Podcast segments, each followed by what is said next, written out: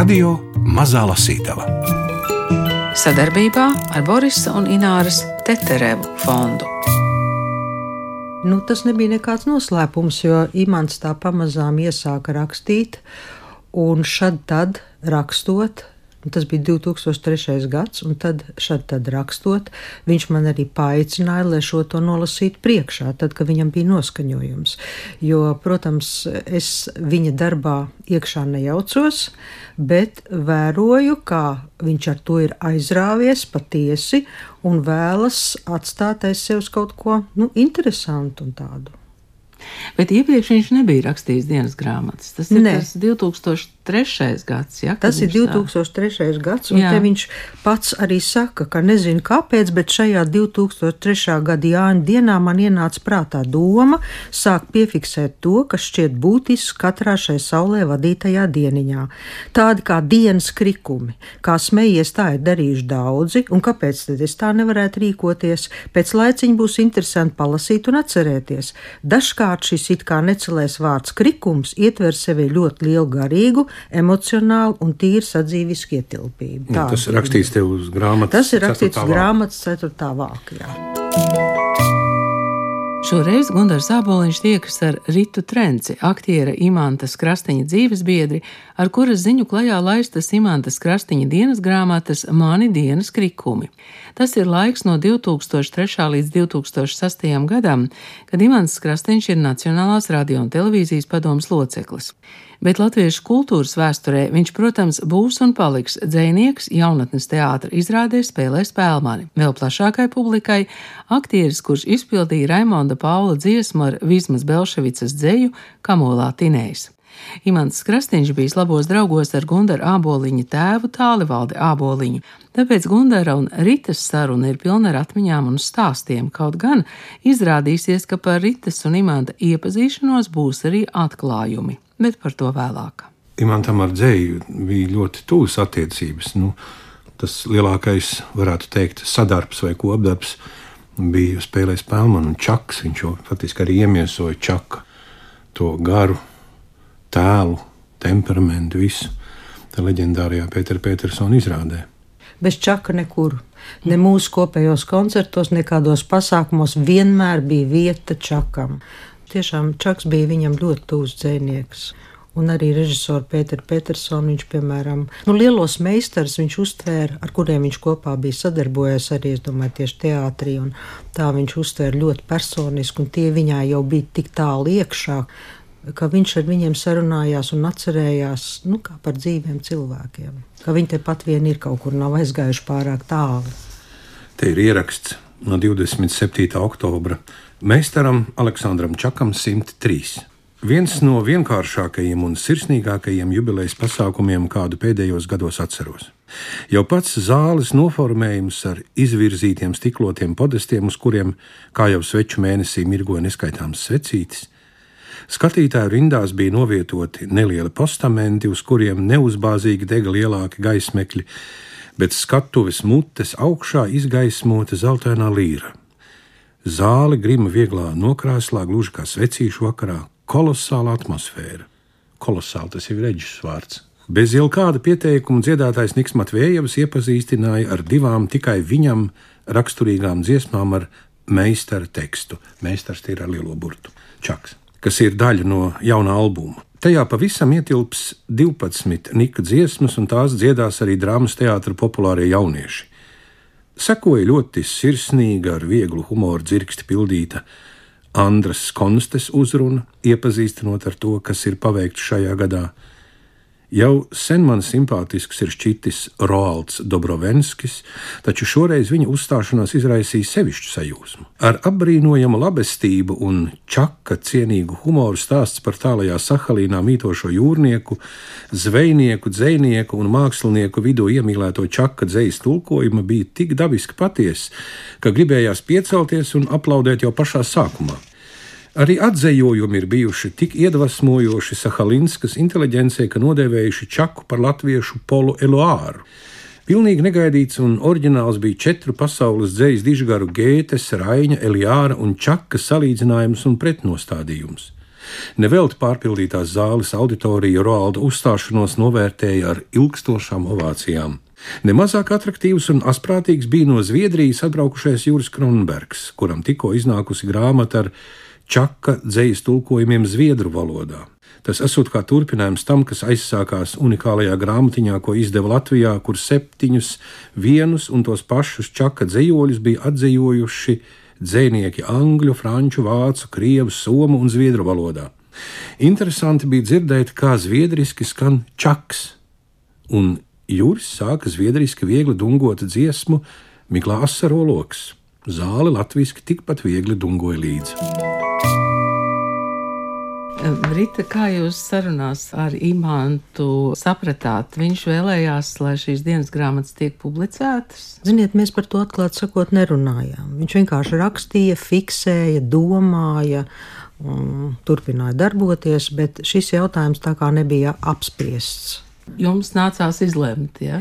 Nu, nācās izlemt, bet es domāju, ka sveci zem pūra nevar turēt, jo lasot vēlreiz, kad es sāku to visu pārlasīt un, un redzot to, cik bagātīgs ir materiāls un cik viņš arī, nu, dažreiz skarbi, bet pārsvarā būtiski ir izteicies par dažādām politiskām norisēm, par darbu padomē, par teātra kolēģiem, par tuviem draugiem, par dažādiem pasākumiem. Es sapratu, tas cilvēkiem varētu būt ļoti interesanti. Tagad, kad tiek um, vēlreiz lasīts uh, par kādu notikumu, par kādu vakaru, tad droši vien jūs pat arī to atceraties, kā tas notika. Nu, daudzās vakaros un, un pasākumos es, protams, biju klāt, bet man jau arī bija savu koncertu dzīvi, un nevienmēr es varēju tikt, un tad mēs tā, man tika pārstāstīts viss, bet tagad es to dzirdu Gundara āboliņa uh, izpildījumā, un tas pat izskan vēl tā mazliet sulīgāk un nozīmīgāk nekā tu pats lasi. Nu, man kaut kā lasot, drusku ausīs skan imanta balss. Nu, tā ir, ka es lasu šo tekstu, man skan kā tas būtu skanējis Imants pašu balsī. Nu, es nemēģināšu to atdarināt, bet nu, man iekšēji tāda sajūta ir. Imants jau bija ne tikai aktieris, bet arī dziedātājs. Nu, jo tautā viss viņa tā mazliet tā pavalkot uz zobu arī sauc, ah, nu, kamolā tinējs. Klepotājs to Pauls teica, jā. Bet, nu, ah, nu kamolā tinējs. Nu, tas kamolā tinējs. Te ir arī par kamolā tīšanu. 9. marts uzreiz pēc sieviešu dienas. No rīta bija jādodas uz radio interviju pie Lijas mikrofona jubilejas raidījuma sakarā. Tik celtas gaismā arī mikrofona aptaujas uzvarētāju dziesmas, un to vidū arī kamolā tinēja. Raidījums skanēs pirmajās lieldienās. Attiecībā par uzvaru un milzīgajiem vēstuļu maisiem dziesmas kamolā tinējas sakarā godīgi atzinu, ka sākumā to vairāk uztvēru kā joku, bet, kad izrādījās, ka tā ir 1980. gada aptaujas uzvarētāji, jutos it kā vainīgs, jo nebūdams nekāds dziedātājs, esmu ielīdis svešā lauciņā. Taču tā atnesa spožu posmu manā radošā mūžā, un jautāts, vai esmu gatavs to tagad noklausīties, neviltoti atbildēju arī jā. Man nav grūti un nav arī kauns to klausīties. Ir dziesmas, kuras savā ieklapojumā nu nekāda negribas dzirdēt.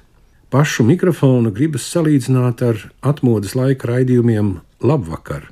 Arī tos cilvēkus par katru cenu centās noklausīties, jo tā bija svaiga elpa bet mikrofona dziesmu aptaujas noslēguma koncertus ažiotāžu ziņā var salīdzināt ar mūsdienu Eirovīziju, tikai toreiz bija nesalīdzināmi vērtīgākas un latviešu mentalitātei tuvākas dziesmas.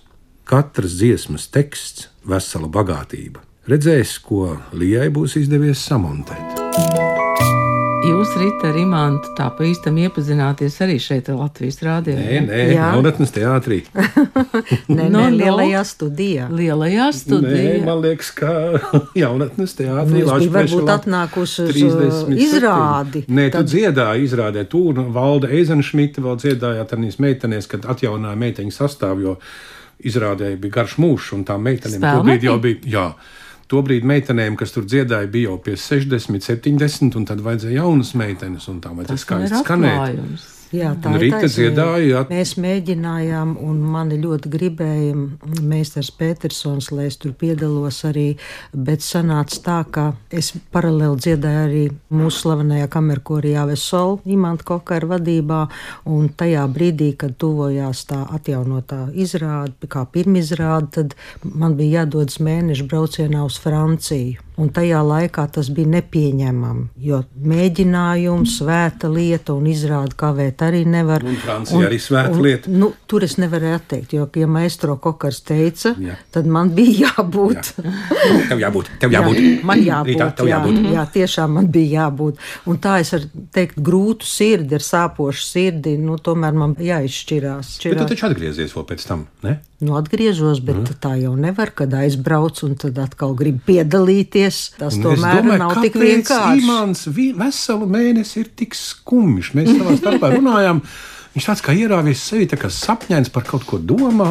Par to man nekas nebija zināms. Toties mums istabiņas biedriem bija nojausma.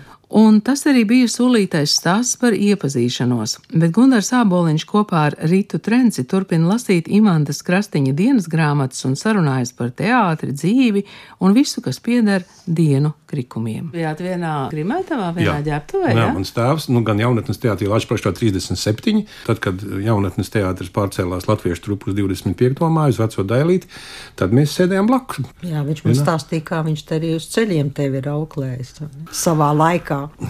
Jā, Jo ar tavu tēvu, tālvaldā boliņu bija ļoti tuvu Nu, ar draugi. tālu jau viņiem bija Un tā ar tuvu. Edgars Liepiņu tie bija trīs draugi gan uz skatuves, gan arī privāti. Nu, ja tu dzīvi. pieminēji Eģu, Jā. es atļaujos viņu tā Noteikti, saukt, jo nu, tā noteikti. mēs viņu kā kolēģi saucām, bet nu, Edgars Liepiņš, pirmais mājas.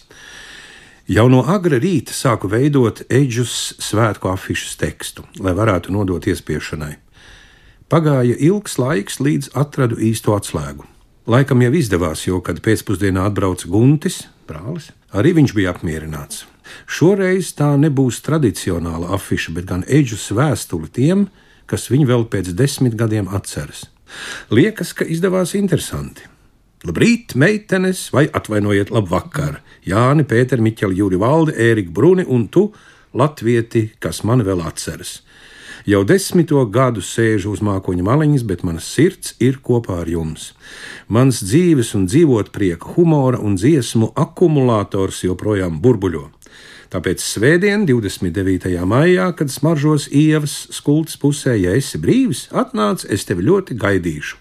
Ne jau pie laimes pulksteņa, bet skultas kapos, lai pačukstētu tev uz redzēšanos atkal maijā. Un tad jau trijos saukrasta estrādē rausim vaļā lielo tautas sadziedāšanos kā Rīgas 800 gadē. Ar mīkstu pedalizāciju, absolūtā sibemola mažorā, Latvijas esmu, Latvijas būšu, Latvijas mūžam palikšu. Un tad vēl labi rozīnīti par to, kādi mākslinieki būs. Bet nebūs Buša, Širaka un Puķina. Tas nu ir pilnīgi eģis garā. Gunts vēl ieteica pieminēt, ka nebūs Rubika, Ždanovkas un Benladena. Plejāde iznākusi ļoti iespaidīga. To noslēdz ieraksts, un, protams, arī es ar savu brīnišķo balsi, kā māku, tā maunu. Milzīgs grēks ir izkopinātas 39 Winston cigaretes. Un tā bija tāda piebilde? Jā, bet viņš jau Bet ar to viņš cīnījās ilgu laiku. Viņš skaitīja katru dienu cigaretes, un jo vairāk skaitīja, jo vairāk gribējās pīpēt dažreiz. bet tomēr es abrīnoju viņa to apņēmību, nu, bet tās ir gribas divas paciņas. spēku, ka viņš tika, jā, tās bija pat divi ar puspaciņas dienā pēdējā laikā. Un tad viņš tomēr spēja, eh, kā Imantam bija teiciens, ar joni. Tas nozīmē uzreiz un, un momentāli. Un tā viņš arī vienā dienā atmeta. Bet Bet kur tas ir bija ļoti smags posms. ieraksts 2. maijā, Jā. lai arī šodien smadzenes kūp, cenšos ierobežot pīpēšanu. Vēl jau vairāk tādēļ, ka Rīgā tieši šodien ir sākusies milzīga akcija pret pīpēšanu. 30, tas jau manām ausīm izklausās cienījami. Jā, Tā ir pusotra paciņa. jā.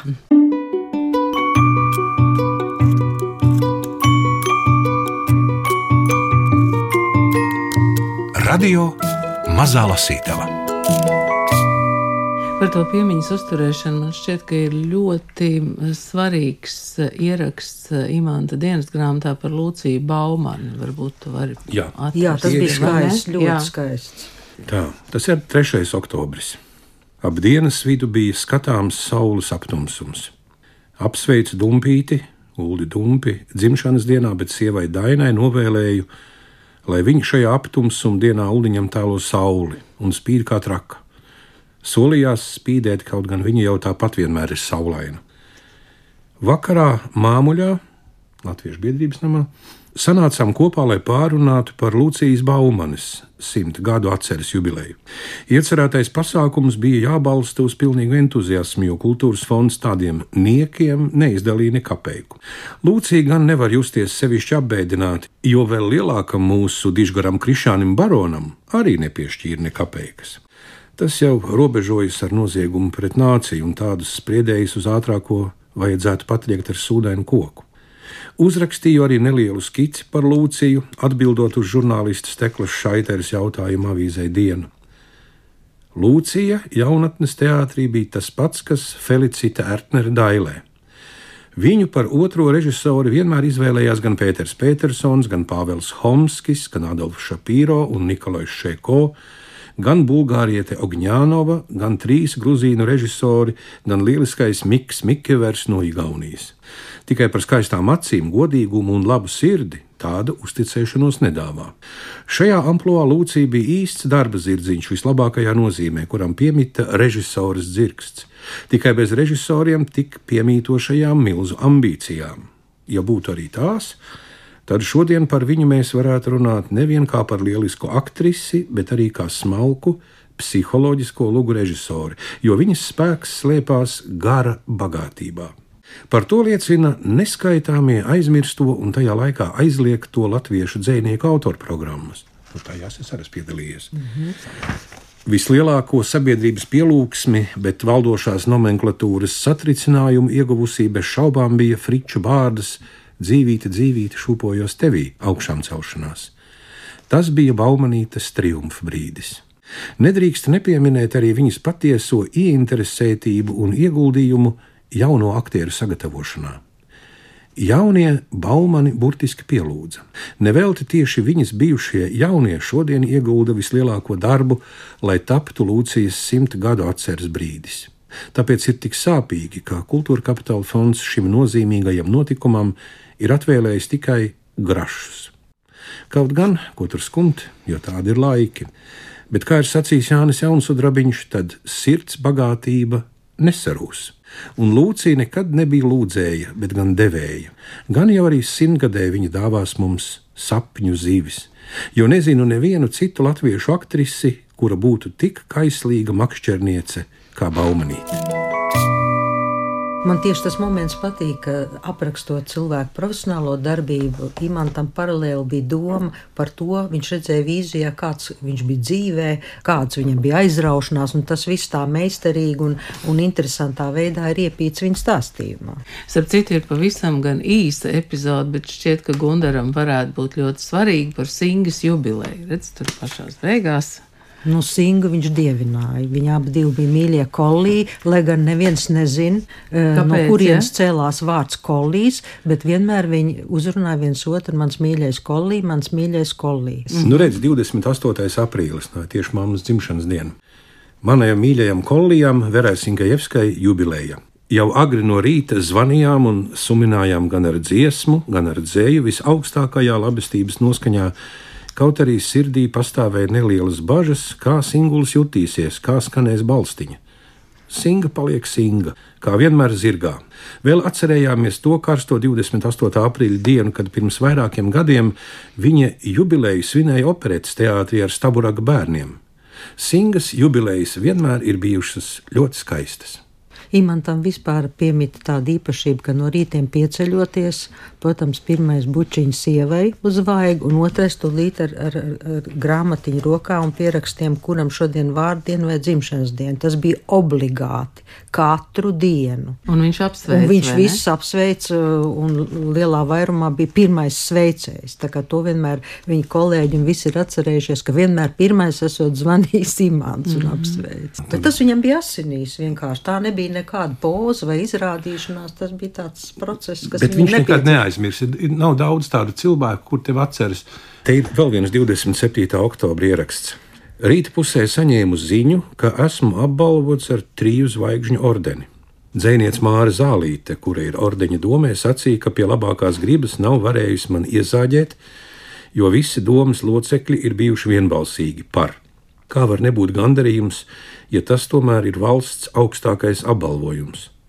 Paldies Ogres pilsētas domē, kas man izvirzīja. Paldies Anitai Ausjukai, kura visu bija noformējusi tik cildeni, ka kancelēs darbinieces muti vien pavērušas, jo tik perfekti estētisks kāda pretendenta dzīves stāsta noformējums tur vēl nesot redzēts. Nezinu, ko par to visu teiktu paps Oskars.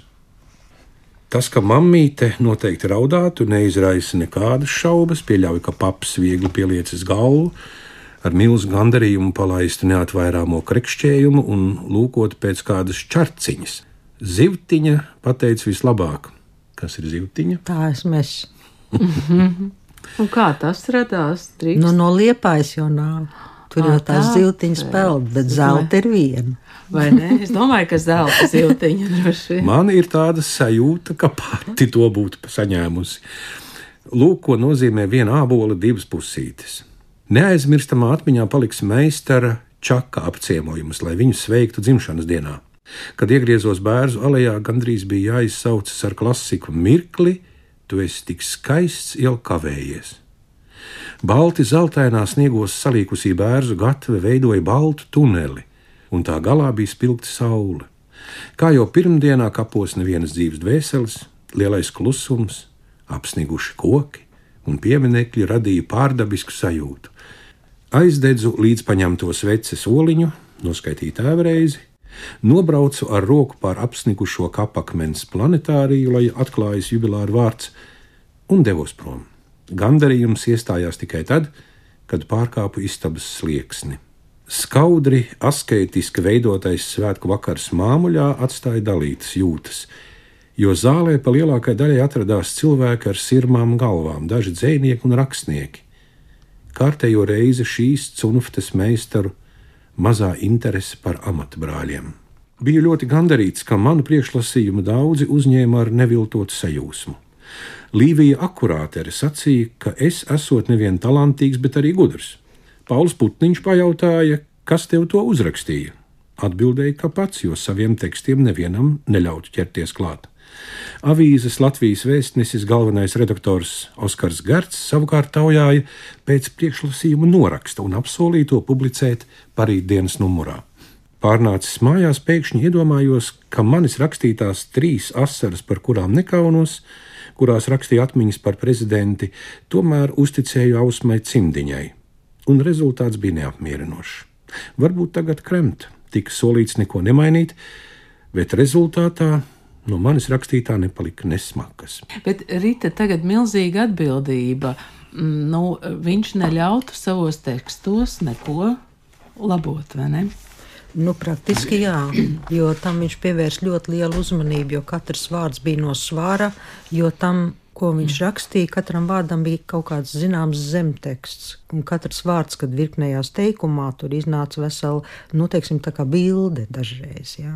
Un tas viņam bija ļoti svarīgi. E, Šeit ir tas moments, kāpēc viņš sāka arī tās piezīmes rakstīt, jo viņam kaut kā izpausties vajadzēja. Un tur šajā grāmatā man dienas krikuma viņš ir pateicis tieši tā un tieši to, kā viņš gribēja.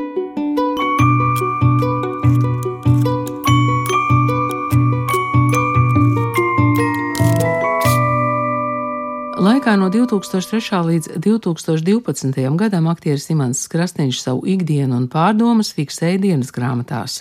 Apgādā Jumava izdoti viņa rakstītie un viņa sievas Rītas Trences sakopotie dienas grāmatas ieraksti, kas aptver četrus Imants Krasniņa dzīves gadus - laika posmu no 2003. līdz 2006. gadam. Mani dienas krikumi. Šo grāmatu lasīja Gundars Aboliņš, Ingvilds Strautmane, Agita Bērziņa un Nora Mitspapa. Un vēl aprīlis ir Imantas Krastiņa dzimšanas dienas mēnesis. Bet te ir vēl viens interesants ieraksts. 22. oktobris. Vakar Guntis mani aizvilināja uz hokeju. Kur tas laiks, kad dzīvajā hokeja nebija skatījies? Un te es atgādināšu, ka bija laiks, kad jaunatnes teātris bija tā saucamie šefi hokeja komandai Daugava. Un tie ir arī mani pirmie hokeja apmeklējumi, kad tur bija Aivars Friedrichs Bergs, Imants, tur bija Mekšs Andrs, bija mans tēvs. Un ņēma arī manus hokeja līdzi, un avīzēs satina kājas un filču zābaciņos, jo tas viss notika Daugavā zem klājas debesis, Daugavas stadionā. Bet tā mamma jau arī ir milzīga hokeja fana. Nu, jā, nu, tur taču ar gumti tur gāja. Jā. To, ko viņi tur kliedz pie televizora, to nemaz grāmatā ne, nevar drukāt. nu, tad Turklāt piņķos vispār nebija bijis, ja neskaita mazo dievnamu, pie kura bērns Birsteliņā kādreiz kopā ar televīzijas režisori Žaneti Jurjāni filmējām manu dziesmu programmu. Jāsaka, ka nemaz nenožēloju, bet biju stāvā sajūsmā. Uzvandījis senās emocijas par to laiku, kad neizlaidu gandrīz nevienu spēli. Atcerējos arī pavisam senos laikus, kur ir. No, te, kā zinādams, kad eh, stadionā Daugava ar nosalušiem deguniem sildījāmies ar ugunsdzērienu un bļāvām kā traki. To es atceros. Man bija tāda silta tējiņa, bet tur lielajam bija mm, karst, karstāk tējiņa. Jā. Jā. Jā. Kā starpbrīžos stāvējām garās rindās pie vienīgās toaletes, lai nebūtu jāiet pie atsārsta. Kas tā bija par smieklu lēkmi? Vakar atmosfēra ledus hallē bija kā senos laikos. Mūzika kopā ar bungu dārdināšanu, kad ar gunti kārtīgi izsvilpāmies mūzikas ritmā. Tā kā blakus apsēdās vecais hokeja vilks Kārlis Apsītis no Daugavas aizsargs. Tad komplekts bija pilnīgs.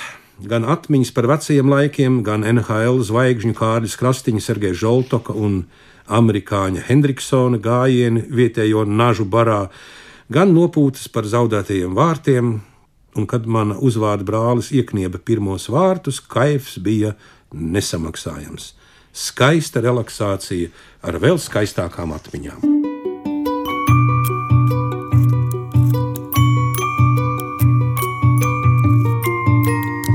Radio Mazā Lasītava sadarbībā ar Borisa un Ināras Teterevu fondu.